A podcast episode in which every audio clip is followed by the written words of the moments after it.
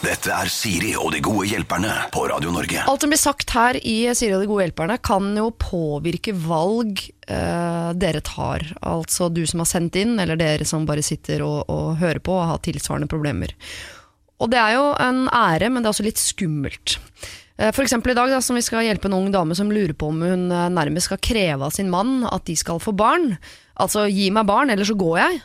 Det er et veldig uh, skummelt valg å påvirke. Altså valget om man skal ha barn eller ikke. Hvis man er så heldig å kunne velge det, da, det er det jo ikke alle som kan.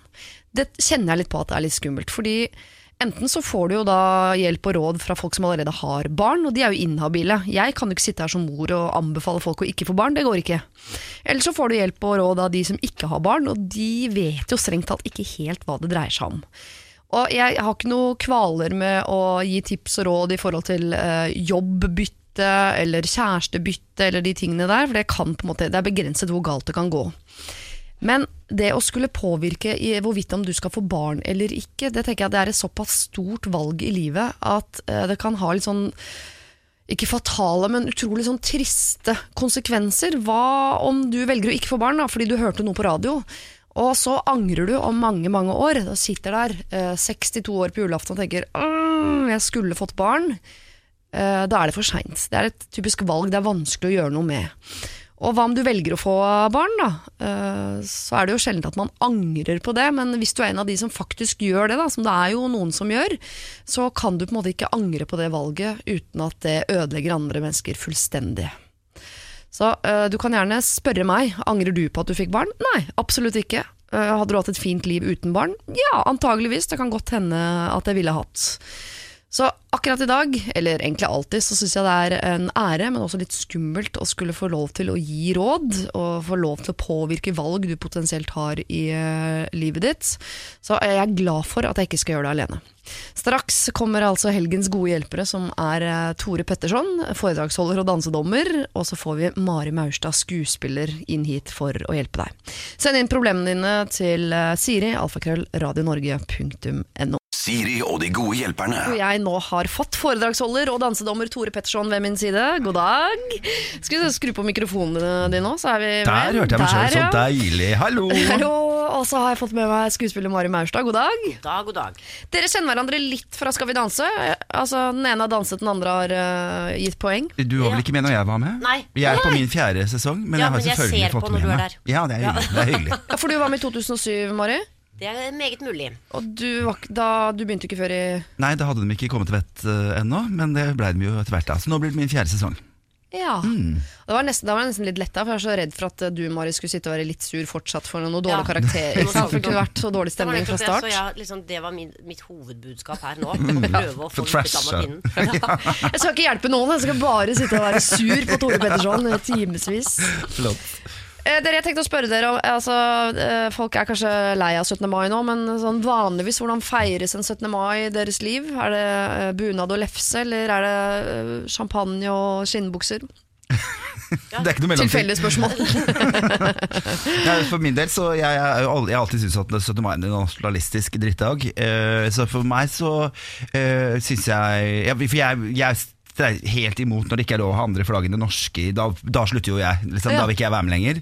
Eh, for jeg, det var En av de favorittingene mine da jeg vokste opp som barn, var at vi hadde ei i klassen fra Korea. Hun var adoptert, men Ja. hun gikk i sånn koreansk folkedrakt, og så hadde hun koreansk og norsk flagg.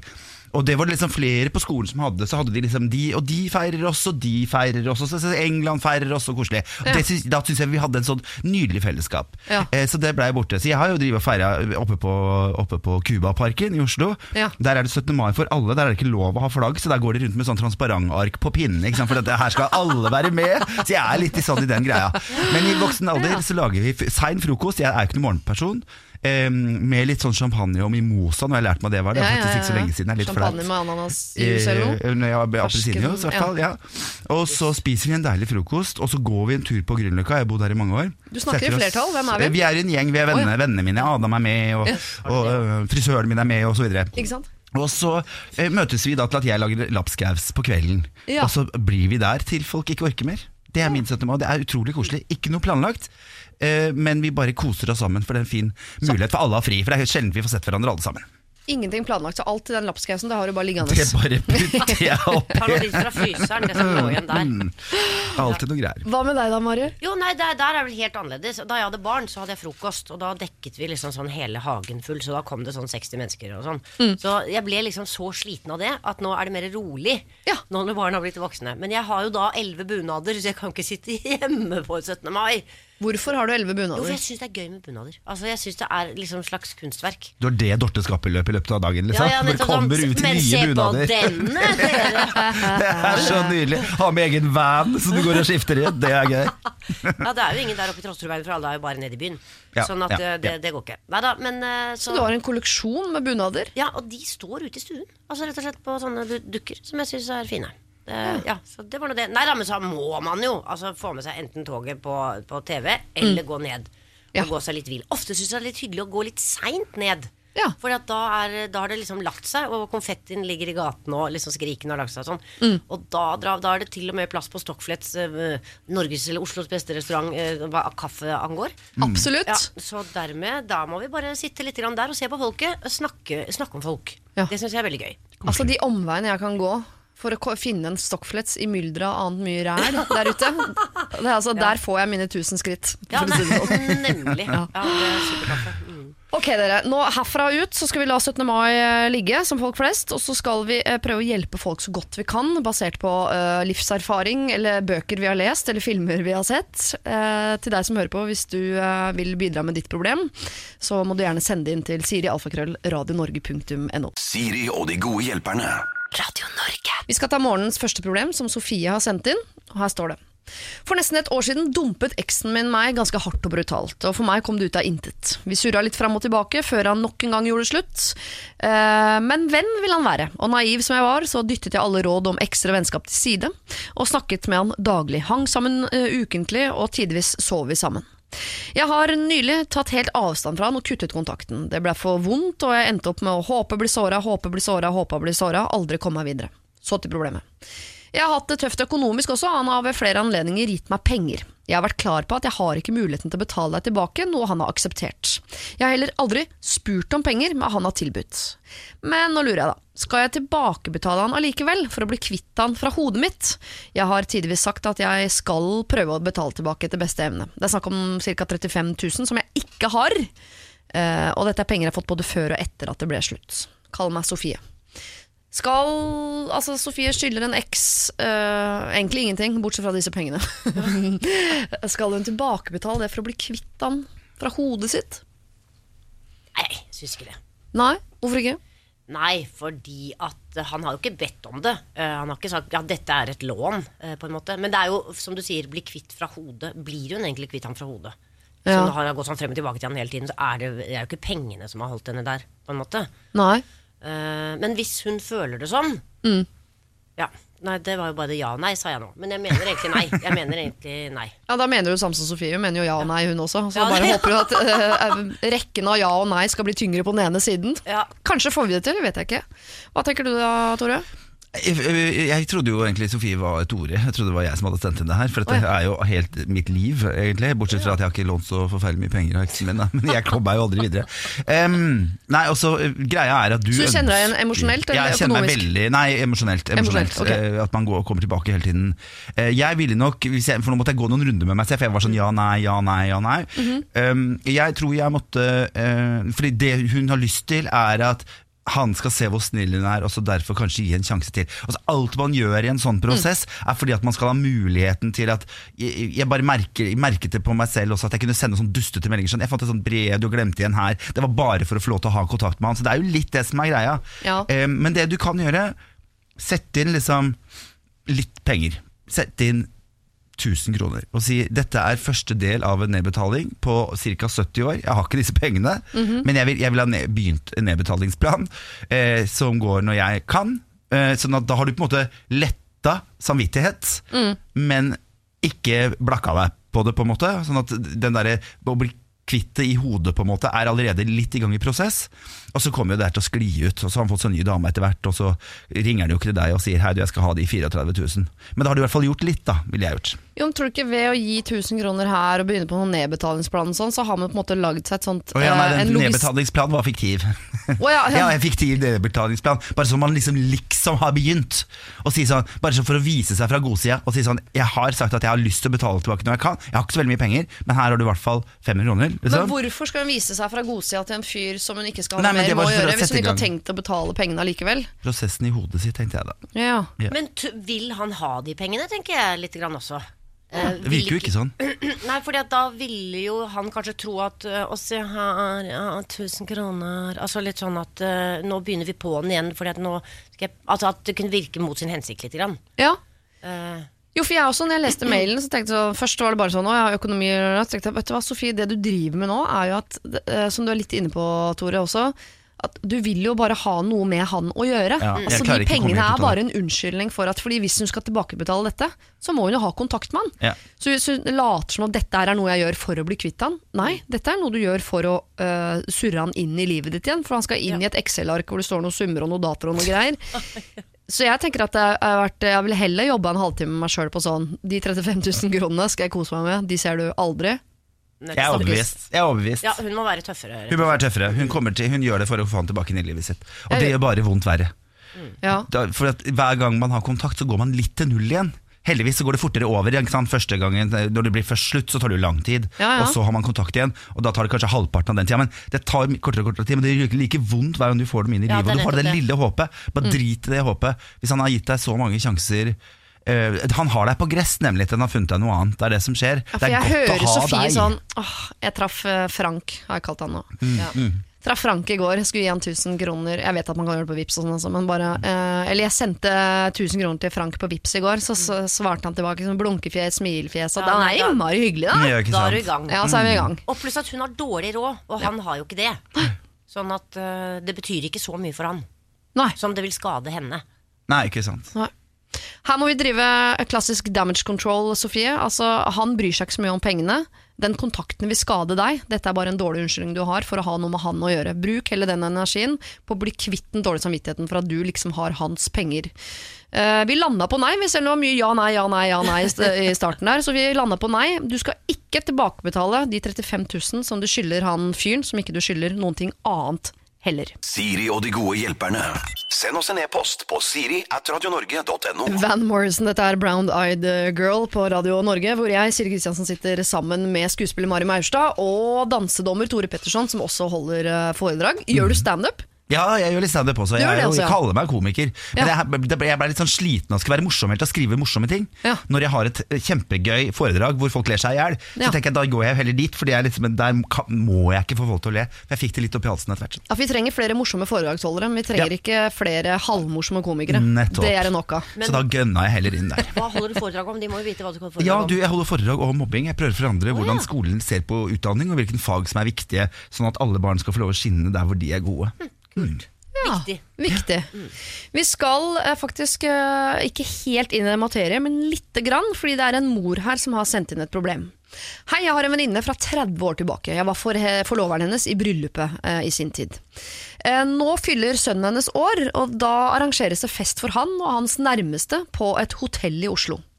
Tidligere, når han ikke har spist matpakken sin for eksempel, på skolen, så har de lokket med middager på fine Michelin- Michelin-restauranter. Alt dette strider helt med mine verdier, og jeg ser at min venninne kanskje er i ferd med å miste litt fotfeste. Så hvordan skal jeg ta opp det? Altså hun, eh, her skumrer hun bare toppen av et isfjelltre, men hun ser på venninnen sin, som da tydeligvis har en pedagogikk eh, som handler om uh, belønning i form av uh, dyre, flotte, fancy ting til barna sine. At det er liksom det, det er, For å få barna til å gjøre som de vil. ja. Ja. Og det, sy det syns ikke eh, hun noe om, og vil si fra. Men Skal man er- blande seg i det? Eh, altså, de har hatt god kontakt, hun og moren. Ja, ja, ja, det? ja. Det var forloveren hennes. De er Ja, ja. kjempegode venner. Ja, rett og slett. De har ikke hatt så mye kontakt de siste årene. Nei, det var det. Mm. For det, det gjør det jo litt annerledes. Hvis hun da plutselig Hei, du! Så koselig å se deg igjen. Mm. Eh, nå må jeg bare si med en gang at det var det ikke litt spesielt. Altså, sånn, det er jo selvfølgelig flere måter å si det på. Ja, ja. Eh, det går an å si ting på flere måter. Eh, det går an å si det på en sånn stille spørsmål, sånn at hun, moren må tenke litt over det på en annen måte. ja. Eh, Ja, sånn at man ikke på en måte kommer med reprimande på sånn eh, Jeg ser hvordan du velger å oppdra dine barn. Eh, Det syns jeg er feil. Ja, ja spesi spesielt når de ikke har sånn daglig omgang og sitter på telefonen og snakker sammen hele tiden. Ma. Så vil jeg kanskje synes det høres litt rart ut at det var det første du sa når du liksom så hverandre etter noen år. Ja.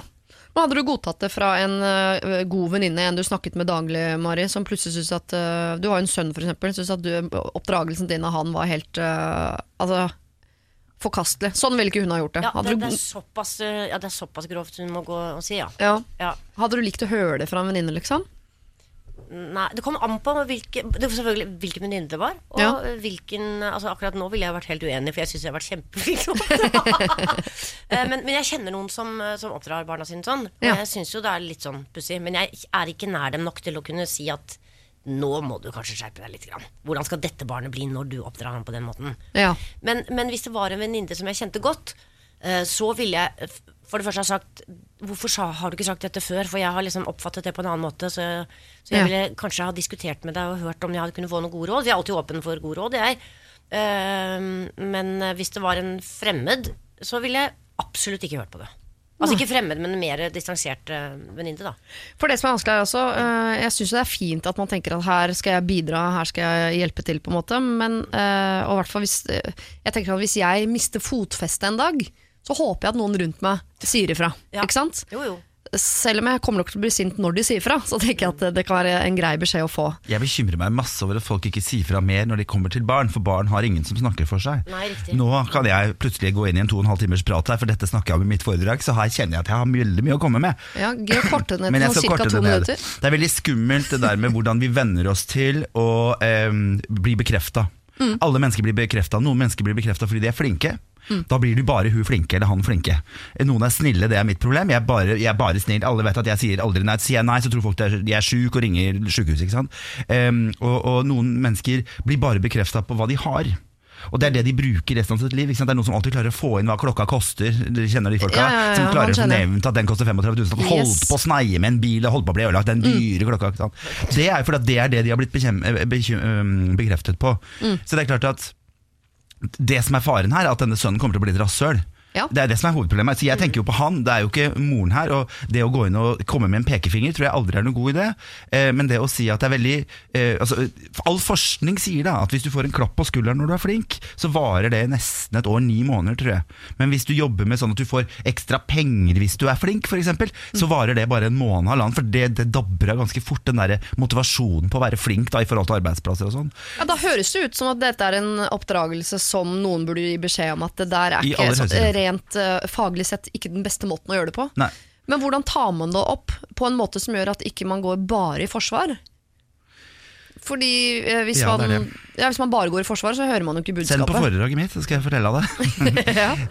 Svaret. Ja. nei, men altså, Man må gå inn litt sånn med list. Jeg tenker at Det som er uansett viktig her, hvis du syns det er vanskelig å si fra, prøv å få snakka med den sønnen. Jeg regner med at de har et ok forhold. Og fortelle han at han er god nok akkurat sånn som han er. Jeg er veldig opptatt av det at barn skal vite at de ikke behøver å gjøre noe for å være gode. Og Problemet her med denne gutten er at han får bare oppmerksomhet når han har gjort noe som er bra, når han har spist opp matpakka si, når han har gjort karakterene sine. Du skal alltid bekrefte mennesker for den de er, aldri for de tingene de gjør. Det er veldig viktig å huske på. Det er sånn klisjé, men det er veldig viktig å huske at du skal kjenne at du er elska, og du har en verdi uansett hva du gjør. Ja. For da er det mye lettere å gjøre ting i livet hvis man veit det har vært noe. ikke sant? Og sånn som moren holder på nå, så mister sønnen verdi, på, eller tanken om at han har en verdi, og at jeg må jobbe kjempehardt for at jeg skal få noe hele tiden. Og det blir man veldig tomme og veldig deprimerte mennesker av. Derfor er også ungdom veldig deprimerte, fordi de får bare oppmerksomhet når de gjør noe. da. Og det er viktig, og den praten kan du ta med han gutten. Ja. Sette deg ned og si du er så sinnssykt mye mer verdt enn denne middagen. Jeg syns du er så god. Så bra du er som ønsker å gjøre det bra i disse fagene. Så flink du er som spiser opp disse tingene. Men det er klart, har du akkurat spist, så skal du få lov at hun kan gå inn som en litt sånn med eh, sånn litt kul tante som sier du rocker verden uansett. Så det høres ut som dette 30 år gamle vennskapet Det skal blomstre litt igjen. Du skal nærmere venninnen din eh, igjen. Fordi for det første som Mari sier at Hvis du først skal ha en sånn beskjed fra en venninne, så vil du helst ha det fra noen som er ganske nære. Og du skal komme nære nok til at det også blir naturlig at du tar en prat med sønnen hennes, sånn at du kan gi han eh, verdi på en annen måte enn hans mor eh, vanligvis gjør. I tillegg så kan du jo eh, da gi en gave, to billetter til et eller annet foredrag, sånn at dette er en beskjed mor også får, ikke bare fra sin venninne som plutselig står på trappen igjen, eh, men hun får det fra flere kanter. Datter. Så da har du snakket eh, Du har fått kontakt med din gamle venninne. Eh, Du har sagt eh, fine ting til sønnen. Og du har noen fine foredrag foran deg med en gammel venninne som kommer til å bli en bedre mor og en bedre venninne. Ja. Det er gavepakke fra Ja, radio! Pluss, pluss, pluss. Dette her. Det er Ja. bare positivt alt Og mine foredrag pleier å være helt gratis, og du får en selfie og en klem hvis du vil. Oi, oi, oi, Nå selger jeg godt her. Ja, ja, ja, ja. Søk opp uh, Tore Petterson på internett, Og litt så ordner det seg Jeg sitter og pusher masse reklame, det var litt viktig å si det. uh, Jeg ønsker deg lykke til med det. Jeg tror det kommer til å gå uh, bra. Eh, Vi tar flere problemer altså her fram eh, mot klokken eh, 11, men først skal vi innom eh, Robin Beck. Dette her er eh, First Time. Siri og de gode hjelperne. Send oss en e-post på siri at radionorge.no. Vi skal til et problem innsendt av en kvinne i slutten av 20-årene. Hun skriver at hun har funnet kjærligheten med en 18 år eldre mann. Vi har det veldig fint sammen og føler egentlig ikke at vi mangler noe, men jeg har et ønske om barn, og jeg føler meg klar for det. Jeg har spurt rett ut flere ganger om han ønsker seg barn, og har fått veldig diffuse svar. Til slutt ba jeg han om et ærlig svar, og fikk da flere positive, men også mange negative svar. Kanskje du kommer til å angre og kunne ønske du aldri fikk barn, og mye i den sjangeren der. Han har et voksent barn fra tidligere og har ikke alltid vært den mest engasjerte forelderen. Jeg tror aldri han egentlig ønsket å bli far, og derfor ikke ønsker seg flere, selv om det er med meg som han mener er sin store særlighet. Så spørsmålet mitt er, bør jeg sette et ultimatum, eller kan jeg ta tiden til hjelp for å se om ønsket om barn er så sterkt om noen år? Jeg har fortsatt ti lange år igjen før det er for sent. Jente 27. Altså skal hun eh, bli hos sin 18 år eldre mann og vente på at han kanskje får lyst på barn en gang, eller at kanskje hun ikke har lyst på barn lenger, eller skal hun nå sette en støt og si sånn Jeg vil ha barn. Enten gir du meg det, eller så er det noen andre som gjør det. Det er ikke noe menneskerett å få barn. Nei. Det vil jeg starte med å si. Og det er noe man kan ønske seg. Jeg tenker at et barn øh, skal og må bli elsket, og helst av alle i livet sitt. Så hvis han er litt sånn off på det, så ville jeg tenkt to ganger før jeg satte en unge på han. Ja. Mm. Men hvis det ønsket om barn er så sterkt, er det sånn da at man kan gi opp mannen i sitt liv for å finne en eh, mann på andreplass, men som har lyst på barn, hvis du skjønner? Jeg har aldri ønsket meg barn, så da må nesten du hoppe inn. øh, Du Ja, har jo eh, altså Jeg har flere venninner som har det på samme måte. Mm. Eh, og eh, de som ender, ender med å gå fra mannen, de er de lykkeligste. Fordi at de vil gjerne ha barn. Ja, Altså, For man er grunnleggende uenig i noe som er så viktig i livet ditt. tenker Ja. jeg at det må, Dere må jo treffes på de punktene Ja. også.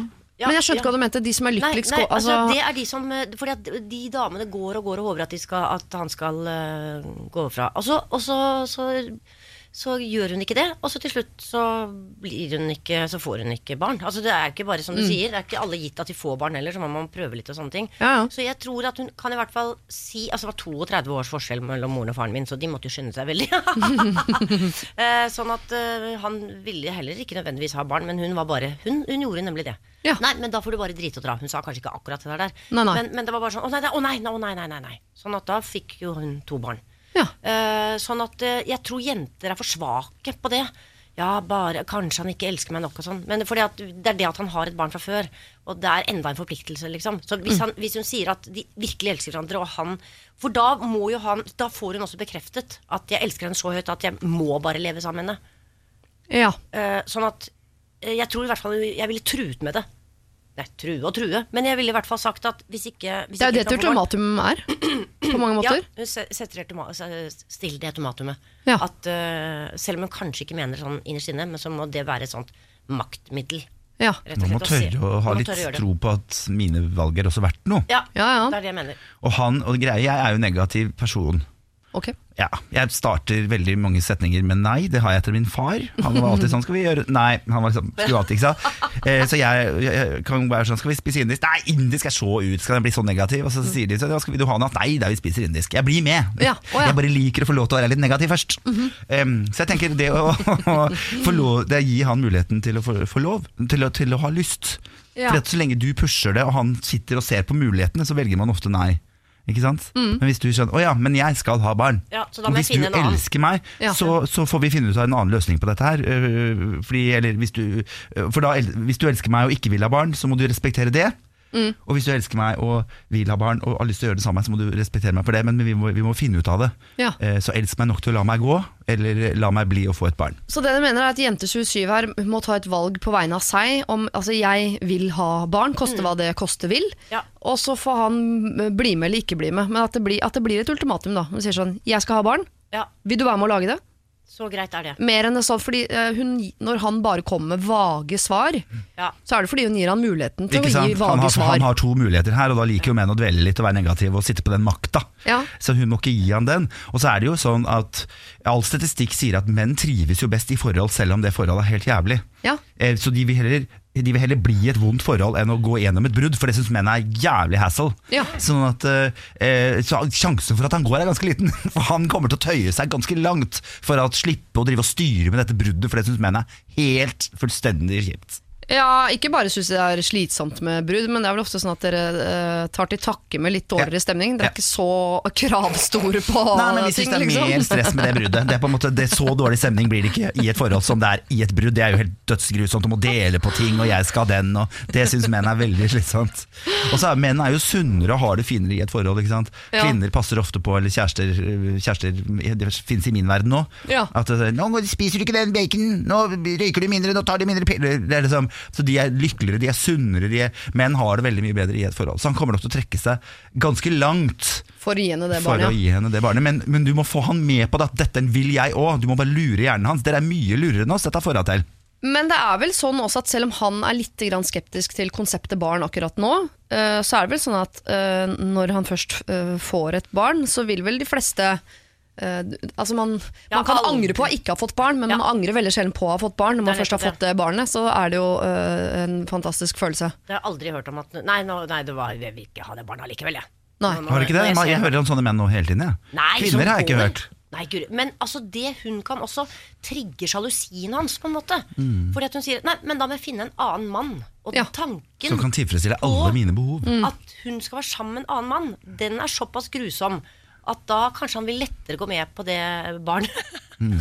For hvis det er bare her og ha Nei, så skal vi være bleier, og så skal vi skriking om natten. Han ser bare negative ting Men det. vi har et barn fra før, jeg husker han hadde kolikk og la, la, la, la. Ja, ja. Men hvis det er sånn, da forlater jeg deg nå, og da vil jeg heller få mann, eh, barn med en annen mann. Ja. Det blir litt sjokkerende.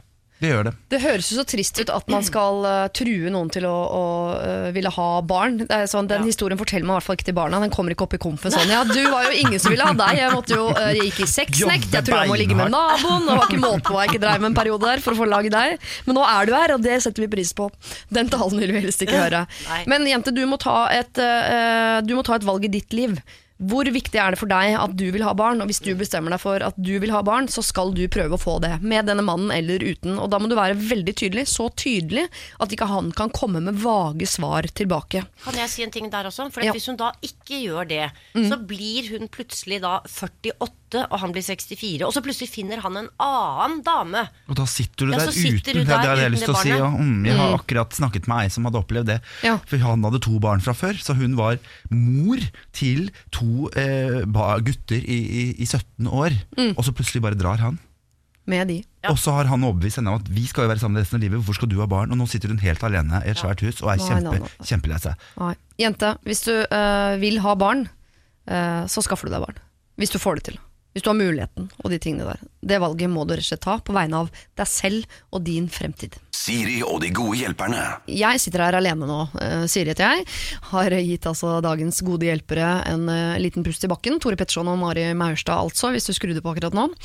Eh, fordi vi skal rette blikket et eh, lite øyeblikk tilbake i tid. Til eh, 27.-28. april, da Elle Kari Gjengedal og Ingeborg Myhre var mine to gode hjelpere. Da fikk vi nemlig inn et problem fra Ole og Karina, som eh, var et par i begynnelsen av 20-årene som hadde kjøpt seg et hus. Eh, og i eh, nabolaget så var dette huset veldig populært fordi eh, det hadde et svømmebasseng i hagen. Så eh, naboene var mye på besøk, og de hadde planlagt hele sommeren som kommer også, med mye besøk i dette bassenget. Sånn hadde det alltid vært, og sånn kom det alltid til å bli. Det som er annerledes er at dette paret som nå har flyttet inn, de venter sitt første barn, og kunne egentlig godt tenke seg en litt rolig sommer. Ikke liksom hagen full av folk, ikke masse oppvartning og bråk, men bare få litt tid for seg selv. Og de var usikre på hvordan de skulle klare å få sagt ifra om det, men allikevel eh, bevare den gode stemningen i nabolaget. Du skal få høre noen av de rådene som Eli Kari og Ingeborg hadde å gi. Man skal alltid- de som har basseng. Ja, Buhu! masse. Det er kjempedilemma. I 20 år, var det ikke begynnelsen av 20-årene, så har de et hus med basseng. Ja, jeg skjønner. Jeg, synes, det er jeg ser fælt. ikke dilemmaet i det hele tatt. Fysj, jeg hadde vært livredd hvis jeg var disse to.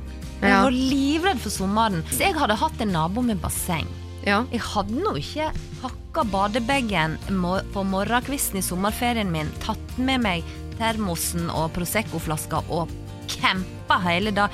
Jeg syns det er skikkelig ufint av de naboene hvis de tror at det her skal vi bygge og her skal vi Det er ikke deres basseng. Det er naboen. Altså det er jo hun Karina og de sitt basseng. Ja. De har ingenting der å gjøre, så sant de ikke blir invitert. Jeg tenker at Det er jo en uskreven regel som sier at når man nettopp har fått en baby, så lar man jo de være i fred. Ja. Eh, For da trenger man tid, og det er natt, du er jo ammetåke, og du er jo oppe hele natten, og det kan få kolikk og tjo og hei. ja. Så da må man jo ta hensyn altså jeg tenker at Hvis naboene driter i det og bare kommer og har poolparty, liksom, mens hun, de ligger inne og ammer og Har ikke dusja på to uker, går i onepiece og arva ja, stemminga der. Da jeg fikk mitt første barn, så fikk jeg sammenbrudd hvis jeg måtte være påkledd før klokken tolv. Det var jævlig. Fikk nummer to, det var jo easy-peasy. Men å få førstemann er grusomt. Ja, det driter i å fylle bassenget vårt, altså.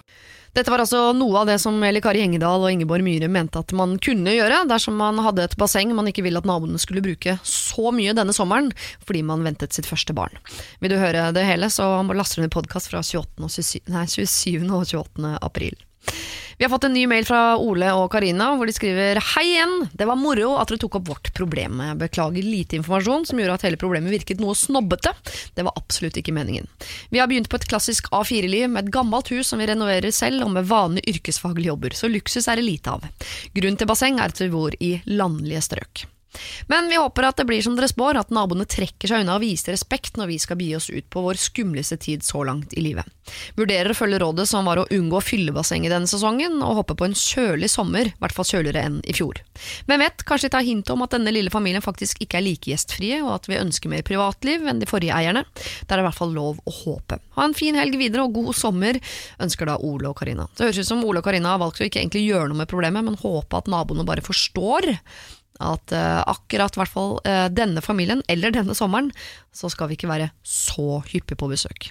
Jeg håper det ordner seg, at ikke dere rett og slett eh, må si ifra, for dere vet hva som skjer hvis det er sånn at dere tenker nå må jeg si ifra, nå må jeg si ifra, nå må jeg si ifra, men du venter. Det blir trykket bare mer og mer og mer prekært, og til slutt så koker over, og så klikker du på naboene. Og da kan jeg garantere deg at den gode stemningen er borte. Siri og de gode hjelperne. Lørdag og søndag fra 09.00 på Radio Norge. Dere, Vi skal eh, ta et problem som er, eh, det er ganske langt, så jeg har kortet det ned litt. Jeg skal fortelle deler av innholdet muntlig til dere, for jeg rekker ikke å lese hele mailen. Den er så lang. Nei, okay. Eh, Det er, handler om en eh, kvinne på 30 år som har fått drømmejobben. eh, Tatt den, flytta ut i Hutiheita for å kunne jobbe med denne jobben, til et bitte lite sted. Flytta hun på gård helt aleine. Og hun elsker det, altså. Elsker hele livet der. Men alle som bor der hun bor, er folk som jobber på den jobben. Og det er et bitte, bitte lite sted. Em, siden jeg ved ujevne uh, Og ja, hun har skaffet seg noe dyr for å ikke være helt ensom på dette stedet. Ja, altså, kurer, Siden, ja, det kommer. Ja. Siden jeg ved ujevne mellomrom er ute og reiser, trenger jeg pass til dyra mine. Jeg har kun noen få dyr, altså to-tre sauer, en gris, noen høns, en hund. Og alle disse dyrene, bortsett fra hunden, klarer seg helt fint selv når jeg ikke er der. Likevel, for sikkerhets skyld, så liker jeg at noen ser til dyra en gang i døgnet når jeg er borte. Så jeg spurte en av jentene på jobb, la oss kalle henne Anne, om ikke hun kunne stikke innom på kvelden og se til dem når jeg var borte. Og dette gjør hun med glede, og hun stiller, stiller alltid opp, og med alltid så mener jeg alltid. Det vil altså si at denne Anne da, har nå begynt å stille opp også når hun ikke ber om det. Så det hender at når øh, denne Liv, som hun vil at vi kaller henne, øh, kommer hjem, så ser hun at noen har vært i, øh, i grisebingen. Og, og hender, hun har begynt å ta med seg folk på besøk dit. Mora si, bestemora, onkler, tanter. det. Altså, dette har blitt et sted hun bare drar til som en sånn åpen gård, nærmest som om det er hennes dyr. Og hun må gå forbi huset til denne Liv. Og gå forbi, altså Hun føler liksom at privatlivet hennes blir litt invadert, for plutselig står en onkel og en tante og noen folk ute på tunet for de skal inn til hønene. ikke sant? og så skriver Liv Jeg kan meddele at denne Anne er dattera til sjefen på jobb, og hun sier selv at hun sliter litt psykisk. Hun er ofte sykemeldt pga. dette. Eh, Jeg har sagt tydelig at dyra ikke trenger stell når jeg ikke ber henne om å gå dit, men hun slutter ikke å komme. Og jeg er nå redd for at en enda tydeligere beskjed vil såre både henne, sjefen og bygda. Kall meg Liv. Altså, Liv vil at denne Anne skal slutte å passe på dyra hennes i tide og utide. Vel, Ja. ikke et veldig vanlig problem, Det er det jo ikke. Nei. Hvordan gir man den beskjeden til dattera til sjefen, som allerede er psykisk ustabil? Så dette er problemet med å flytte til bygd. Det er derfor jeg ikke gjør det. Nå Mm. tråkker jeg sikkert masse folk på tæra, men sorry, ass. Eh, jeg har vært eh, mye på små steder. Der får de jo sjokk av at vi i Oslo låser døra, f.eks. Det syns jeg er helt merkelig. Må jeg banke på døra for at jeg skal komme inn og ta en kaffe? Så bare, ja, det skal du, liksom. Ja. Ingen skal inn i stua mi. Og det å plutselig ha naboen stående inni Dette her er jo helt vanlig rundt omkring. ikke sant? Ja. Hvor du, må låse døra, få noe ned og Nei, det orker jeg ikke å forholde meg til.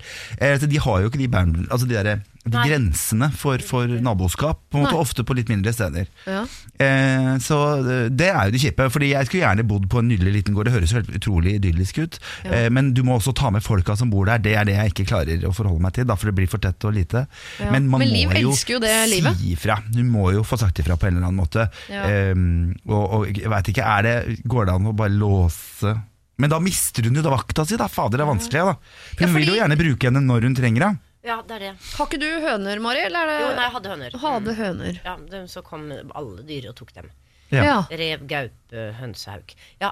Uh, Hvor bor du? På Hardangervidda? Ja, ja, ja Hvilket Oslo bor du i, liksom? Jeg bor i Oslo 3. Det er jo der hvor Det er hvor gaupa bor. Ja, det er ja, ja, jeg skjønner. nei, men det er jo altså vanskelig dilemma. Ja. Men altså, jeg tror nesten Hvis det hadde vært meg, jeg må prøve at det var meg. Da ville jeg sagt Vet du hva, nå skal jeg si noe som jeg håper du ikke blir lei deg for. Mm. Eh, Dette syns jeg er veldig, veldig vanskelig å si. Eh, Fordi at jeg er både veldig glad Altså du må både liksom Men jeg blir veldig nervøs av Altså jeg må kunne si det på den måten. Ja. Og dette har jeg grudd meg veldig til å si. Ja. Uh, uh, fordi at jeg er så glad i dere, men jeg må liksom vite litt om folk kommer eller går. Og, altså Litt sånne ting tror jeg nesten jeg ville sagt. Jeg er litt husredd. Så jeg skvetter så fælt når jeg plutselig hører folk Ja. eller ser at folk har vært i fjøset mitt. Jeg syns det er veldig ubehagelig. Ja, så kan vi si. holde det innafor de rammene som, som vi har satt. Men det er klart, hun trenger jo helt sikkert veldig det, dette dyreholdet. Jeg vil jo se for meg det at dette er jo hennes terapi. Ikke sant?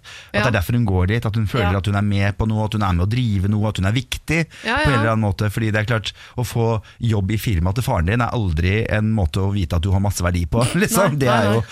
Du, ingen andre skal behøve å jobbe med det ofte. Eh, at faren tenker at jeg tar det, jeg. Men, men du må kunne sette henne og si det. Jeg ville i hvert fall gjort det, for jeg er veldig husredd. For Ja, det som første som kom, poppa opp i hodet på meg, at jeg hadde jo frika ut om jeg hadde hørt at noen gikk i gården min. Lyden av fottrinn på grus. Ikke, ikke sant, når du, er egentlig- helt aleine. Da hadde jeg liksom bare venta på motorsaga-lyden etterpå. Altså, nå kommer de og tar meg. Ja, fordi, og Selv om ikke det er sant, det er lov med noen. eh, Her trenger jeg bare en bekreftende nikk. egentlig. Det er lov med noen små hvite løgner hvis det gagner eh, mottaker av løgnen. Absolutt. Ja.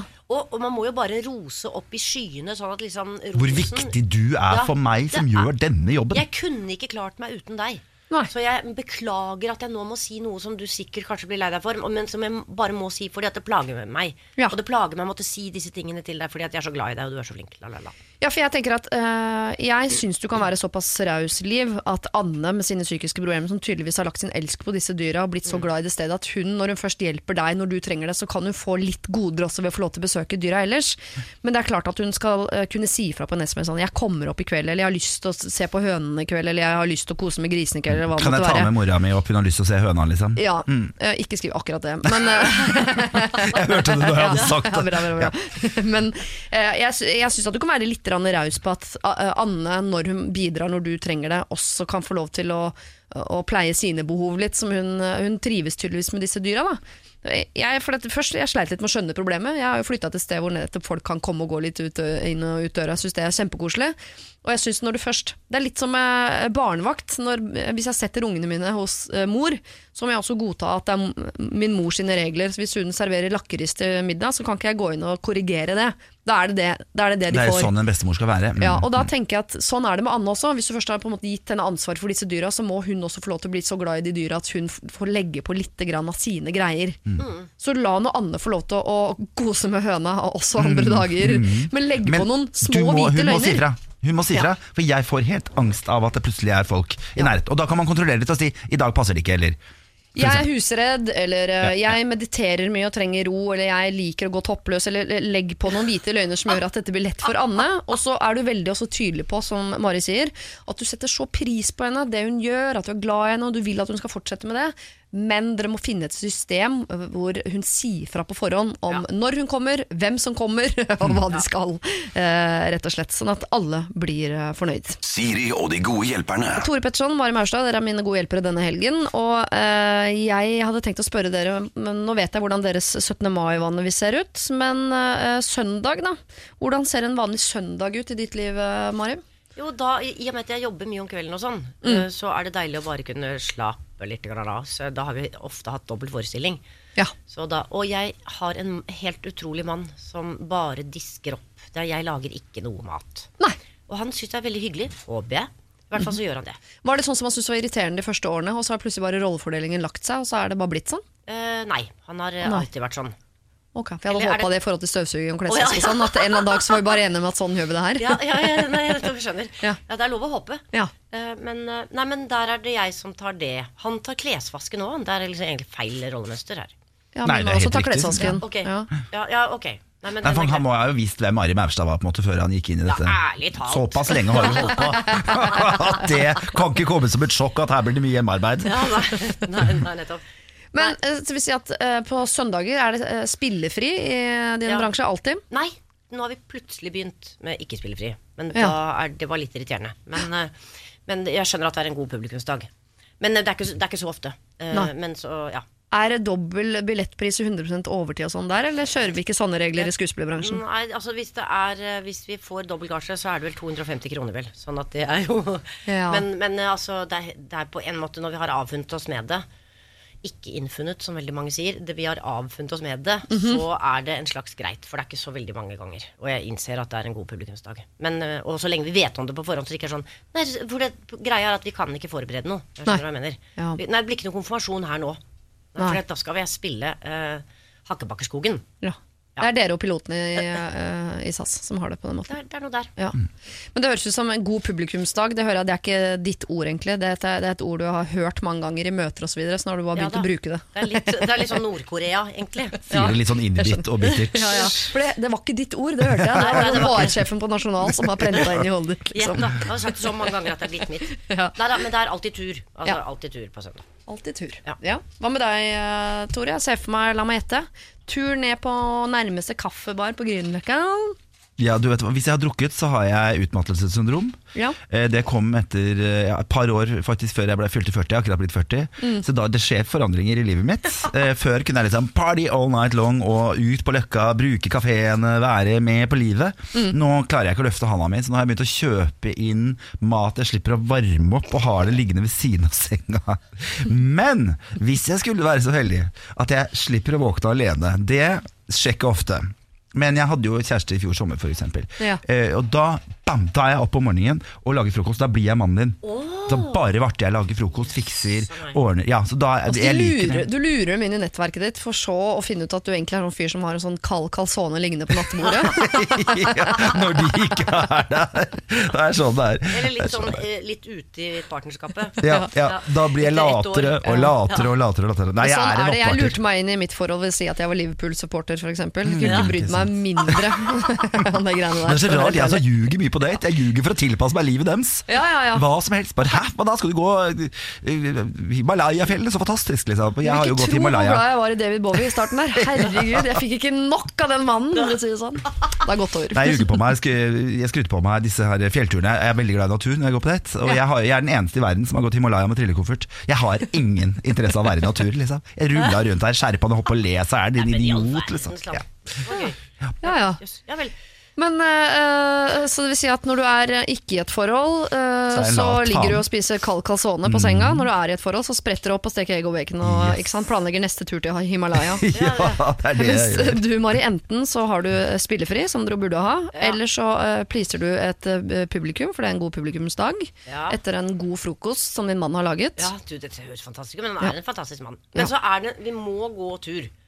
Enten her eller der. Og så må jeg drikke kaffe. Jeg drikker kaffe hver dag, enten med sønnen min eller mannen min på, på kafé. Ja. For da leser jeg avisen, og sønnen min tegner.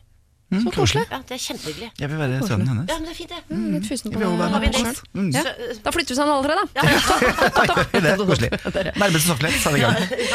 Nå skal det handle om eh, andre mennesker herfra og til klokken eh, 11. Først ut er eh, Ruth, som vi straks skal eh, hjelpe, som er håpløst forelsket, men aner altså ikke hvordan hun skal opptre. Siri og de gode hjelperne.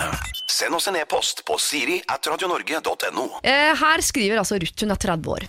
Jeg har en helt fantastisk flott kollega som jeg er helt håpløst forelsket i, men jeg klarer ikke å håndtere det på en god måte.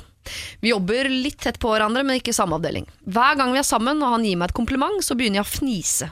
Oppfører meg som om jeg er 13 år gammel jente og rømmer fra situasjonen. Når han spør om han skal slå følge med meg hjem, så detter det ut av meg. Nei, hvorfor det? Det er jo omvei for deg. Jeg vil jo at han skal følge meg hjem, jeg vil at han skal ta en øl med meg, eller bare jeg vil være sammen med han. Men jeg klarer altså ikke å takle denne situasjonen. Jeg har aldri følt dette for noen andre. Jeg har gjort dette til en kjempestor greie i mitt eget hode, og egentlig er jeg vel bare redd for at han ikke skal gjengjelde mine følelser. Men hva søren skal jeg gjøre? Hvordan skal jeg gå frem for å vise at jeg er interessert, og jeg tenker på han hele tiden? Hvordan være forelsket, men opptre normalt? Eh, Jeg tror dette er litt som å stå på timeteren på stupebrettet. ja. Altså, hun må bare ta Nei, hun må si ja, skal vi ta en øl? ja. Hun må ta initiativet. Hun må bare tørre det. For da er hun den aktive personen i dette som tar initiativet.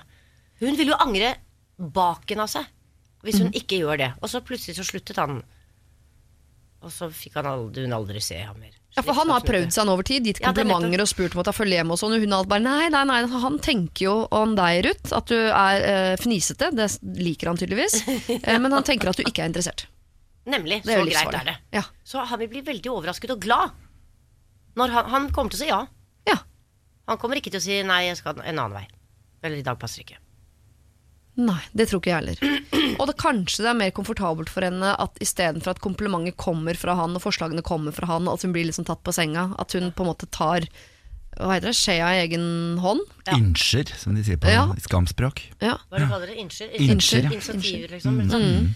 At det føles, i hvert fall hvis man har forberedt seg på det, Ja. så kan man være tryggere i den rollen fordi man vet hva man skal, enn den der der blir tatt på senga på sånn Wow, der kom det et kompliment fra venstre, jeg aner ikke hvordan jeg skal oppføre meg. Ja. Nei, det tror jeg nok er lurt. da Hun må bestemme seg for eh, tid og sted. Ja, Og så får hun bare si hei, hei. Det er litt sånn lukke øynene, jeg hopper fra treeren eller tieren. ja. Du som uh, kjenner menn bedre enn oss, uh, Tore, eller jeg vet ikke Ja. Eh, Hvordan ville, tror du at en mann reagerer på det? At Ruth plutselig tar initiativ når hun har fnist seg fram i livet til nå? Jeg tror det er veldig positivt. Jeg er jo veldig glad i hvite løgner. Ja. Eh, Min venninne eh, stjal jakka til sjefen sin. Jøss. Ja, fordi han hadde lagt den på et sånn ugunstig sted, og han var litt sånn surrehue, og hun var så sykt forelsket i han. Um, så da kunne hun sende melding og være sånn ah, shit, for han visste at han hadde reist og kommet seg godt hjem. Jakka di ligger her, liksom. Si fra en dag vi kan få overlevert den, og kanskje vi kunne tatt en øl. Tre barn senere ble det slutt, men det er en annen historie. Yes, Um, men det er jo liksom en fin Si måte. fra en dag, altså De jobber på samme sted, hun kunne ikke bare ta Ja, nei, med seg jakka på jobben. Det var ferdig med prosjektet. Å, ja, okay, prosjektet. Jeg skjønner, Ja, ja, skjønner, skjønner. ja. Jeg hang meg opp i logistikken, ikke kjærligheten her. Nei, men altså bare det der med å bruke Eller jeg kan bare stikke innom deg, så kunne vi jo, det er fint vær. Kunne jo tatt en, skal jeg ta med meg noe pils? Liksom, skal vi sitte og sykle innom deg? Eller at man liksom får gjort den måten der. Eh, Jeg ville sagt bare sånn For en dag på jobben, hvis han hadde nevnt for meg sånn Jeg kan jo følge deg hjem, og det er feil retning. retning. Så bare sånn eh, Ja, det hadde vært dødskoselig, men fy fader for en dag, liksom. Hva sier du? Skal vi gå og ta en pils? For det er i hvert fall den lagt i lufta. Ja, så, men da, eh, ok, så du, eh, det var du som slang innsje på bordet her. Ja, da innsjer man jo. Ja, men da venter hun med å innsje til han har innsja først. Så da må hun vente på at han nok en gang spør om de skal ta følge hjem, for at hun skal svare annerledes enn forrige gang. Ja, det er sant. Er det å innse, eller er det å Nei, men altså, Du kan jo starte setningen med sånn 'for en dag'. Det er der, egentlig der hele hovedgreia mi ligger der. oh, ja, ja, ja. Det er den hvite løgnen. For en dag. Hvis det ikke har vært en, hvis det ikke har vært en slitsom dag, kan du si 'for en dag'. Ja. Eh, 'Nå trenger jeg en kaffe', eller 'nå trenger jeg noe sterkere i koppen'. Liksom. Hva sier du? Da er det hun som tar initiativet. Bare fake en hard dag på jobben, og Mhm. så drar dere i gang. Men da skal du være litt god skuespiller også, for hvis du sier 'for en dag', og det er litt sånn dårlig spilt Ja, Ja. Sånn, eh, ja. Så Ja. går litt mer sånn nasjonalt til verks. For en dag! Ja, ja. For en dag! Radioteater Radioteatret har sendt. For en dag av William Shakespeare. Uh, ok, Ja. Så Ruth må eh, ta initiativ, og hun må være en god skuespiller. Ja, nei, Hun trenger ikke det hvis hun bare sier 'du, uh, ja, skal vi ta en øl?' For den er veldig Ja, nå kan jeg ta en øl. Ja, I dag passer det. Ja, den er jo bare I dag kan jeg. I dag skal jeg ingenting. Det er jo liksom tre ord. Det må hun kunne klare. Med Ja. entusiasme. Og så tenker jeg, Han liker jo deg godt, Ruth. Og da liker han jo også at du blir litt sånn 13 år og fniste. Så jeg, synes også er, jeg, jeg har i hvert fall prøvd å sjarmere meg gjennom livet ved å tørre å si, eh, si fra når jeg har jugd, si fra når jeg er nervøs. At man kan bruke det sånn Nå har jeg jo sagt nei til at du skal følge meg hjem noen ganger, men jeg, jeg mener ja, jeg. Altså, at, den er også fin. tror du kan vi bare synes det er innmari søtt At hun sier så Har du sagt nei mange ganger Så mener Selvfølgelig skal jeg følge deg hjem Jeg skal følge deg hele veien hjem For å si det sånn Helt til målstreken. Ja, jeg skal følge deg over målstreken Flere ganger Fram og tilbake. Opp og ned Men eh, jeg tror i hvert fall Ruth Det du skal gjøre her Som jeg hører helt tydelig At mine gode hjelpere eh, mener at du skal Er at du skal ta skjea i egne hender Eller innsje, som de sier på ungdomsspråket. Eh, Fordi nå er det jo han Som har kommet med sine greier til deg Og du som ikke har klart å svare Eh, og jeg vet ikke hvordan du skal lære deg å klare å svare på sånne ting. Kanskje du blir så perpleks av at det kommer litt sånn overraskende på. Så Derfor så må du begynne å stille spørsmålene. Du må ta initiativet. Uh, Du må ta kontakt med han. Gi de komplimentene han har gitt. Foreslå å ta, den, uh, ta følge hjem. Ta den ølen han har foreslått, osv. Du må bare bestemme deg for det. Øve på det som en god skuespiller. Og så må du proklamere det som en ekte nasjonal skuespiller. Eller hva du nå føler deg komfortabel med. Eller så kan du jo tilby deg å følge han hjem. da Ja, kan være. Ja. Snu korta. Du vet jo allerede at det er feil vei. I og med at Ikke sant? Men skal ikke jeg Så følge da deg hjem? skjønner han jo den. Da er det bare å sette på Barry White, så er det Det greit. er jo et Oh, baby. Radio Norge. Vi er i Afrika sammen med Toto, eh, dere. Og når jeg sier vi, så mener jeg da eh, Tore Petterson og Mari Maurstad og meg selv, Siri. Vi har vært en liten tur i Afrika. Al- Altså, har ikke du vært masse i Afrika, Mari? Jeg mener jeg har snakket med deg en gang, og da var du på vei både til og fra Afrika, alt jeg på å si. Jo, jeg har et prosjekt der. Så jeg er der én til to ganger i året. Ja. Hvor i, Af Sør-Afrika. Sør-Afrika, ja. ja. Det har vært litt å gjøre der nå. Ja. Ja, er ikke det? Jo da, absolutt. Tefloner og ting og ting. Ja. Ja. Jeg har vært i Afrika selv. Jeg må ha mer selvrealisering enn å hjelpe andre, for å være uh, helt ærlig på det. Eh, Gjorde ikke noe for en shit, men så var det det. det var bare fant ut av ting, eget, eget egen velvære osv. ja, Der men da blir du fin når du kommer hjem igjen, da. Det ble jeg. Ja. Det ble jeg. Eh, Vi skal eh, til noe helt annet. Vi skal til eh, Mia, som har et eh, problem som jeg tror veldig mange kan kjenne seg igjen i, og som kan være ganske eh, betent. Her står det Hei dere.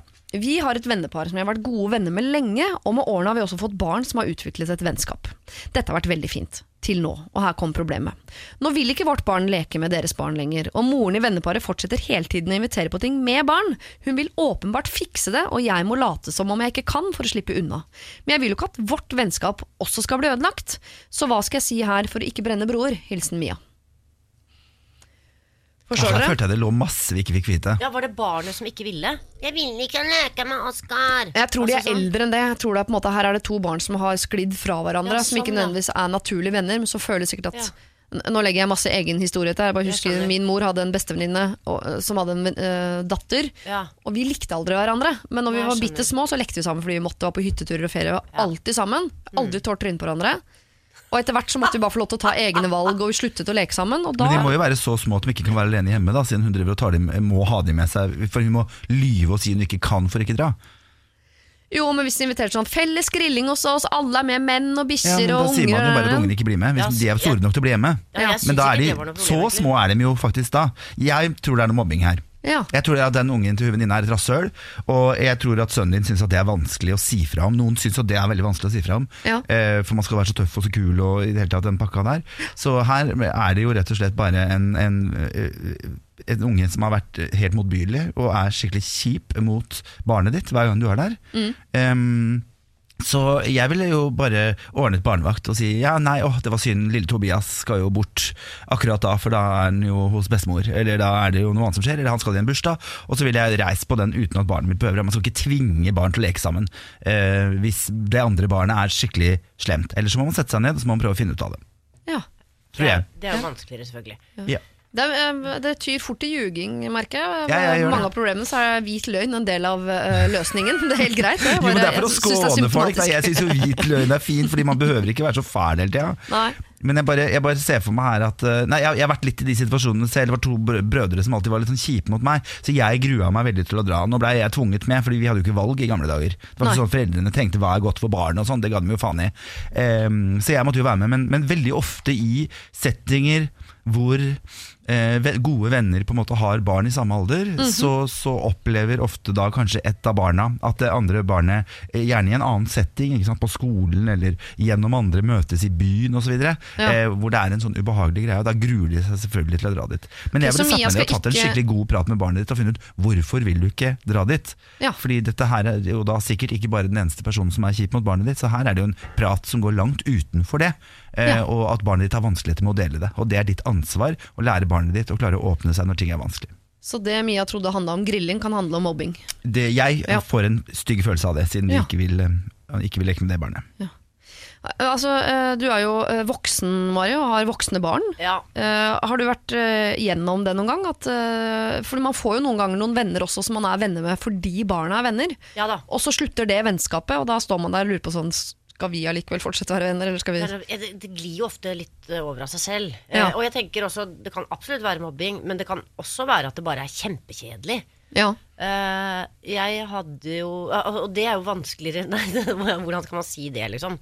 Og så hvis man, når, når man for tolvte gang sier at barn ikke kunne, Ja. må man jo nesten Ja, nei, jeg vet ikke akkurat der der, jeg. Altså, jeg ja, for det Men ubehaget ved å barn har ikke noe vondt av å, å kjede seg, så da må du tvinge ungene dine med.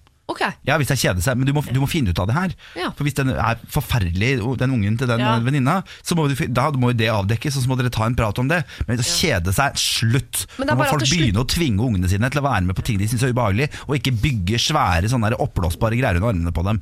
Selvfølgelig skal de være med å lære seg å være rundt mennesker som de ikke liker. Ja da, men der er, men der er litt, uh, litt uenig, på en måte.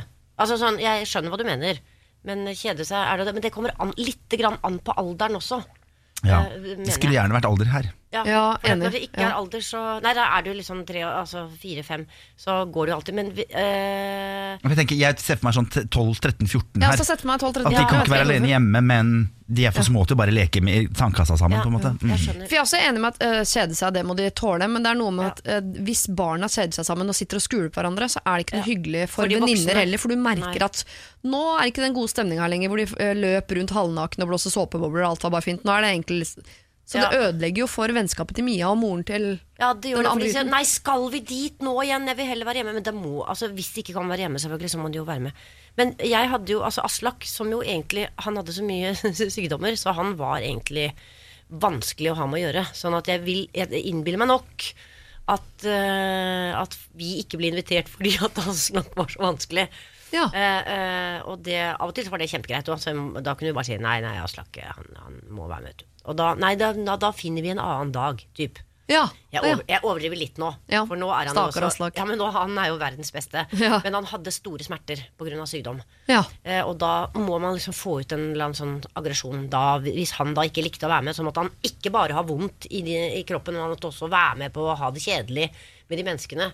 Ja. Eh, sånn at da, da tok han igjen liksom litt. ja. Og var litt uh... Og det ødelegger relasjonen mellom de voksne også i det selskapet, for man merker Ja. at da er det en uh, bitte liten rosa elefant som har vondt et eller annet sted i rommet. Det er noe der. For ja, nå kan jo dere to gå inn på rommet, så bare så du på det barnet i det, uh, i det hjemmet som var bare litt sånn med kryste øyne og sånn Må jeg egentlig være alene med Aslak nå?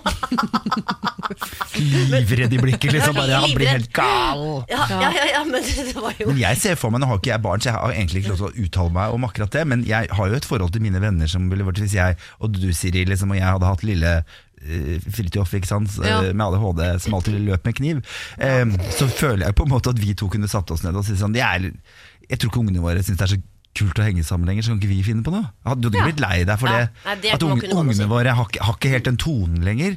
Men Da, jeg da har må veldig man lyst bare til å si det sånn beholde at våre barn leker jo ikke så godt sammen Nei. lenger. Kanskje vi bare skal møtes, vi. Fordi Ikke vi sant. har det jo kjempegøy. Ja. Jeg tror ikke vi skal si sånn uh, Han ungen din med kniv, vi orker ikke være sammen med han, vi. Nei, Så- så nei, nei, da nei, kan nei, vi- for du bør ikke vinkle det dit. Nei, men det er det jeg mener. Du bør ikke vinkle det dit. Men vi voksne må jo kunne ha en hyggelig baksnakking om barna våre. Ja. Og si at den tonen der går jo ikke så godt om dagen. Så jeg tenker at lille Fridtjof skal få lov å være hjemme, men jeg har skikkelig lyst til å henge med deg. Ja. Ja. Det, det var fint. Mm. Da sier vi det, Mia. Du må rett og slett uh, fortsette å henge med venninnen din, men du trenger ikke nødvendigvis å fortsette at barna henger sammen. Ta en prat om det. Si at kjemien er kanskje ikke så god lenger mellom våre barn, men vi skal da for guds skyld fortsette å møtes. Siri og de gode hjelperne.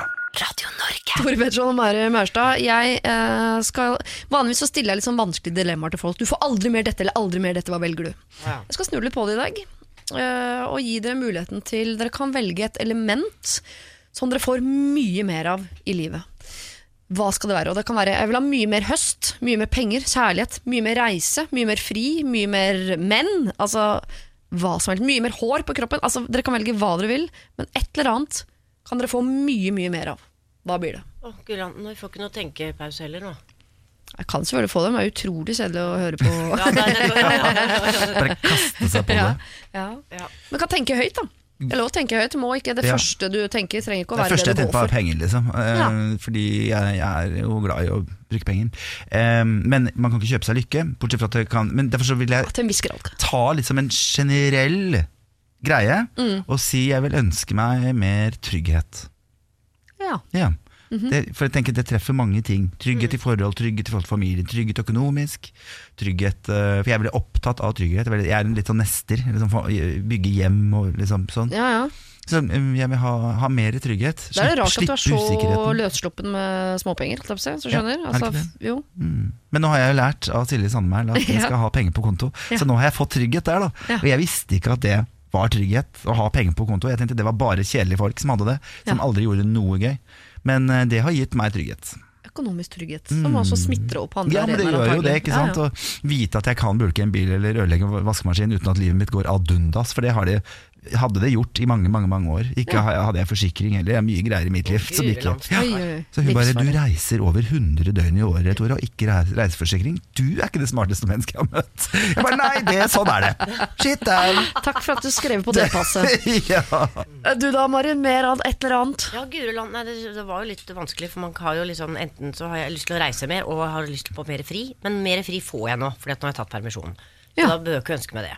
Nei. Eh, mer reiser, egentlig. Jeg har liksom lyst til å reise, men jeg har lyst til å reise så mange steder at jeg skjønner ikke hvor jeg skal reise, så det blir ikke noe reising heller. Det er jo utrolig dumt. Men kan det handle om at ikke du har tid? Hvis du har god tid, så kan Det- du reise overalt. Ja da, jeg vet det, men nå når jeg har tid, så er det bare sånn Nei, nå vet jeg ikke hvor jeg skal reise, så da kan jeg bare bli hjemme i Oslo. Det er Ja. veldig dumt, da. Ja. Men jeg ønsker meg kanskje litt mer energi. Jeg har vært lav på energien Ja. i det siste. Uh, og det er ikke Det passer ikke meg så godt. Men kjøre noen sånn B12-sprøyter rett i ræva, som Ja, ja, du men jeg har sier. prøvd det. Ja. Ja. Jeg har alltid ønsket meg et snev eh, ADHD. Ja. Ja, Hvis jeg kunne velge, på en måte. Men Et har du ikke det allerede? Nei, jeg har ikke det, skjønner du. Og det er litt, jeg er veldig rolig type, egentlig. Eh, Jeg bare spiller meg sjøl opp. Eh, Men det der, jeg synes jeg har liksom de vennene jeg har med ADHD, de får gjort helt sjuke ting. Gir ut bok, plate, står på scenen, reiser dit. Gjør sånn. Mens jeg er litt sånn, da er jeg på vei ned på Kiwi for å kjøpe enda en skistundspose. For jeg syns jo ting er veldig jeg, er ikke noe, jeg har ikke noe gjennomføringsevne. Nei, jeg skjønner. Ja, Nei. men de er så flinke til å gjennomføre, selv om de gjør det halvveis. Da, så Derfor så ville jeg bare hatt litt av det. Men er ikke du en ganske energisk type, da, Mari? Sånn Høner i hagen og prosjekter i Afrika, og opp på scenen og ned fra altså, Tre sønner og altså, Du har jo ting gående, liksom. Ja da, men jeg hadde mer før, så jeg vil tilbake til det jeg hadde før. Men kanskje hvis jeg tar litt mer fri, at det bare kommer tilbake. Ja, tror du ikke det? da? Jeg satser på den. Ja. Ja. Jeg, jeg trenger ikke så mye penger, for jeg har grunnen nok. Og det er grenser for hvor mye penger man trenger, tenker Ja. jeg. Ja, Så deilig å kunne si det. Det Ja, håper jeg å kunne si en dag. Ja. Men mer skal jeg, jeg skal gi deg en gavepakke. Du skal få mer eh, energisk fri. Se på den, ja. Ikke sant? Ja, Jøss, det ser Så- skikkelig fint ut. Ja, jeg er Da- god til å jukse, Ja, da så jeg kommer alltid rundt reglene. Ja. Energisk fri skal du få. altså, Tore får mer trygghet i sitt liv, og Mari, du får mer energisk fri. Ja. Eh, vær så god, gavepakke fra eh, Siri, for at dere er så gode hjelpere. Siri og de gode hjelperne. Vi har et eh, problem eh, igjen, fra en kvinne på 42 år. Eh, som, dere må høre hele, uh, hele resonnementet hennes før dere bestemmer dere for hva dere har begynt å tenke. Eller hva dere har tenkt Jeg å tenke. åpner hjernen. ja. Kommer til å ombestemme oss Ja. Ja. Jeg starter litt om meg selv. Jeg er 42 år uh, ung kvinne som i voksen alder sliter med å finne kjærligheten. Jeg ser alle rundt meg, har mann, kone, barn. Jeg har kun for tiden barn. Jeg har aldri hatt et langvarig forhold og aldri fått kjenne på ekte kjærlighet før nå det siste halvåret. Det har gitt meg så mye, lært meg så mye om meg selv, men allikevel så klarer jeg ikke å holde på han. Han har mye bagasje og har mye som skjer rundt seg. Og jeg har vært tydelig hele veien på at jeg ikke skal kreve så mye av han, men være der for han. Kanskje det som ble feilen i vårt forhold? Vi har knapt pratet de siste ukene. Hva kan jeg gjøre som kvinne for å endre på dette? Jeg i min alder har jo lært at menn skal ta initiativet. Vi jenter skal være tilbakeholdne og la mannen kjempe for oss. Men hva tenker dere? Hva kan jeg gjøre for å vinne særligheten tilbake? Frustrert hilsen fra frustrert Eva. Altså Hun skriver litt sånn altså, øh, Jeg tror hun hopper like mye tankene som hun hopper i måten hun skriver på. For det er litt vanskelig å få grep om hva det er som er problemet. Eh, Vil du finne kjærligheten, eller har du funnet den og vil du bevare den? Eh, hva, hva er det du vil? sånn. Ja, jeg tror hun er sammen med en mann nå som er litt off, fordi han har mye bagasje og mye andre ting å tenke på. Og så vil hun gi han space, og så har han fått så mye space at nå er det at avstanden mellom dem blitt for stor. Så det er litt en sånn Kan jeg kreve noe av en mann med bagasje, eller skal jeg bare gi space? Men Tror jeg. er det jeg som Jeg vet ikke, jeg klarte ikke helt å følge med at mannen skal ta initiativet. Der falt jeg av. Hun er vel oppdratt sånn, da. At Ja, man på en måte Men det må hun der, Vi må starte der, tenker Ja, jeg. At ja. det er tøys. Et forhold er et gi og ta-greie. Kvinnen skal ikke bare sitte som en sånn dydig lita høne og vente på å bli varta opp. Det er bare tøys. Mm -hmm. Forhold er jo en, en, en kamp. Altså det er jo en hverdagskamp. Det der, et, og et valg du må ta hver dag. Ja. Er du ikke enig, du som er i forhold? Jo, jo. Eh, Jeg velger han Man hver dag. velger jo kjæresten sin hver dag, Ja. for det er ikke alltid det er så hyggelig, og du vil helst sende på dør, ikke sant? Men, du, men du velger han. Jeg la Eh, på i går. Jeg snakket med på telefonen, ble så irritert. Jeg bare la på. Ja, men det, Det er jo, det er- jo en styrke, da. Ja, ja, Det er deilig hersketeknikk. Han blir så sur. Ja, det skjønner jeg. Jeg kom hjem da, så så jeg fjeset hans, sånn som uh, muggost. Men jeg, jeg hadde hatt litt godt av det. At de hadde bare lagt, opp, lagt på for meg. For da Nei, jeg ikke nå gjennom, så må jeg bare legge på. Sånn er det bare. Det er min måte å Men løse problemet over? på. Ja, ja, ja. Ja, ja. det er nettopp det. Det går over, da, Det skjønner gjør du. det. ja. Men Jeg drømmer jo om en mann som vet hvordan han skal ta meg imot når jeg faller. ja. Det er, det er sånn jeg definerer et forhold. Hvor, jeg, hvor ofte faller du? Nei, altså jeg faller jo hele tiden. Jeg kan komme hjem øh, fra, fra en jobb hvor jeg syns det gikk skikkelig dårlig, Ja, eller sånn, ja. at jeg begynner å bli lei, eller at jeg syns det blir veldig mye oppmerksomhet innimellom, eller at jeg får jo øh, heterofile folk som slenger dritt til meg på gata eller spytter, eller et eller annet. Øh, og da kan jeg være lei meg, og da trenger jeg ikke at han skal sitte og synes synd på meg, eller at, han skal, at det skal bli så store greier ut av det. Jeg er bare veldig sår, og da trenger jeg orker ikke å forklare alltid, så jeg vil at Nei. han bare skal Han skal bare se meg. Og så bare stille. meg. Ja, Ja. jeg, skjønner, jeg skjønner Og det. det er en, det er en gi og, og ta-situasjon. Men har du så- sagt det fra Nå har det plutselig blitt du som er case her. Har du sagt fra det? Eh, At Ja. det kan, ja, nettopp. Ja, det har jeg. Ja. ja. Når jeg faller, så må du ta meg imot. Så må du ta meg og imot, så ja. ikke snakke så mye. Bare, ja. Nei, det må jeg gjerne snakke, men, Hvorfor her- men jeg bare ønsker å bli sett, og jeg ønsker å kjenne på disse tingene. Men dette må jo skje to veier. Jeg kan ikke bare sitte og forvente og forvente og forvente. og forvente Nei, fordi Eva nå tenker at nå er jeg sammen med en mann, og jeg er så heldig endelig funnet en mann. Jeg som sliter med å treffe menn, har endelig truffet en mann. Nå må jeg holde på han. Han trenger masse space, og han har sine ting, så jeg må bare gi, gi, gi. Sitte på siden her og være klar til å servere. Ja, Men da blir man jo en fyllerye. Ja, for det tenker jeg Kanskje hun må Hun er i snu vei litt på det. inn på Ja. å bli hekta. da Jeg vet ikke om dere har lest den boken Sissel Gran eh, om å bli hekta. At du ikke forelsker deg, men du hekter deg. Du blir avhengig av det mennesket, og den sitter og bestemmer hele tiden. Veldig ofte får man ikke møte vennene. veldig ofte Men hun burde lese den boka, faktisk. Hekta. Ja. Det er en veldig fin bok. Men det er klart at det skal være en gi og ta. Og hvis du hele tiden skal sitte på giversida, det er det veldig mange gjør. At de skal være så på giversiden at, at til slutt så blir, De holder deg jo bare på gress til slutt, for du er fin å ha når de trenger deg. Ja, ja. Men hva med dine behov? Du må, jeg føler litt, siden hun sier hun har barn her, Ja. at hun er litt eh, mamma. Hun har rett og slett funnet seg et barn til, for det er det hun ønsker. Å å kjenne at hun er viktig, og hvis barna på en måte har kommet i en alder hvor de klarer seg litt sjøl, så er det ofte sånn at man finner seg mennesker som man kan uh, amme opp, holdt jeg på å si. At man kan at Ja, føle at man man har den morsgreia. Ja. Og det må man tenke litt på, definere litt. Hva er forskjellen på forelskelse og morsrolle? Jo, men jeg, jeg er enig i alt dette, men det er bare én ting i livet selv. Men jeg er enig sånn, Du må ta plass, og du må kreve, og det skal gå begge veier. og alt det der Så eh, når du skriver han har bagasje og mye som skjer rundt seg Og jeg, bare, jeg har fått beskjed av uh, to psykologer eh, at jeg tenker som en mann. Så her setter jeg meg inn i mannerollen, hvordan han har det. Hvis jeg har mye bagasje og mye som skjer i mitt liv, og så kommer det en eh, Greit nok hvis min mann nå gjør det, Fordi nå er det så mye kjærlighet i bånd, men jeg har vært i et nytt forhold hvor det kom et menneske da krevde masse av meg, så ville det vært lettere for meg å si sånn Vet du hva, da har jeg ikke plass til deg akkurat nå, så da må du ut. Ja, men Så jeg kan, skjønne at Eva, jeg kan skjønne at Eva tenker sånn Nå skal jeg bare sitte her og avvente til han har plass til meg i Men det er akkurat som hun bare godtar dårlig behandling bare for at hun har vanskeligheter med å finne en mann. Hvorfor skal hun Fortjener Ja. ikke hun Nei. også noen som får henne til å føle seg bra, noen som Jo, jo, jo. respekterer henne og gir henne Jeg syns det er så mange som tar til takke med noe dårligere enn det de egentlig kunne fått, fordi de kjenner at nå, nå er det min tur, jeg vil også inn i et forhold. At du kjemper så hardt for å komme inn i det forholdet. Hun Det har høres jo ut som du skal lete, lete enda litt lenger, da, Jeg etter enda en annen mann. Ja. Ja. Men jeg syns hun, vibb? skal gi- jeg synes hun skal gi ham en sjanse først ved å si at hun skal gå. Hva Ja. skjer hvis hun sier 'da sier vi takk for i dag'? Ja. Sånn at han plutselig får 'what'? For da har han blitt så For det handler om å sette seg sjøl i respekt. Ja. Ha respekt nok for deg sjøl. Ja. Og sette ned foten og si du kan pushe meg langt, men når det kommer til et punkt, så kommer jeg til å sette ned streken. Og, det, og det å bevise det så tidlig i et forhold, det tror jeg kan gjøre at dere kan få et mye lykkeligere og mye finere forhold enn at han ser på deg som en filleryd. At, at han hele tiden bare kan Men skal det være en uh, tom trussel da jeg går, eller Ja, skal det ja. være et helt uh, ekte ultimatum sånn Eh, At du Nei, jeg ville faktisk- pakka en bag. Ja. Ja. jeg ville også bakket en bag. Og så ville jeg sagt også, hvis han da oppfører seg, Ja. og har lært at han ikke skal oppføre seg sånn på den måten der, så kan hun komme tilbake. Men, men da tror jeg han blir veldig overrasket. Han vil bli så overrasket. Ja. For det forventer han ikke av henne. Og så trenger hun å kjenne det beviset på at hun er elsket òg. Ja, Og det får du ikke ved å bare fortsette og fortsette og fortsette på gang med ting. Du må sette den foten noen ganger Ja. for å bevise din egen verdi, og for at han skal kanskje få opp øynene på hvor mye du betyr for han. Ja, For det tror jeg at han ikke egentlig skjønner. Men det vil Mm. For det er så mye i huet hans. Ja. Ikke sant? Men hvis han plutselig kjenner at han er aleine, så bare å faen, Ja. nå, må jeg, nå må jeg skynde meg og, og rydde opp i hvert fall noe her. Fordi at alle fortjener litt tid og litt plass. To uker er for lenge, det er bare tøys. Ja. Hvis han liker henne, så har, hun tid, har han tid. Man klarer å tilrettelegge en halvtime, skjønner et kvarter bare for å gi en kyss, liksom. Ja, kvarter for å gi et kyss. Eva, eh, jeg eh, og Mari og Tore syns vi hører her at det her er en mann som trenger å våkne litt. Så du trenger å pakke bagen og si at dette her gidder jeg ikke lenger. Og så må han da eh, på en måte skjønne hvem du er og hva du er for han. Og klarer han ikke, har han ikke plass, ja så syns vi du skal lete litt grann til. For nå har du lett lenge, og du har funnet og tatt deg til takke med noe som vi ikke syns er nok for deg. Kjenner jeg deg ikke godt, altså, Eva, men jeg syns du fortjener litt grann mer. Det gjør hun. Jeg sier tusen takk, jeg, Mari og Tore, for uh, denne helgen. Og så håper jeg dere får en uh, fortreffelig uke. I like, I like måte. måte. Takk. Dette er Siri og de gode hjelperne på Radio Norge.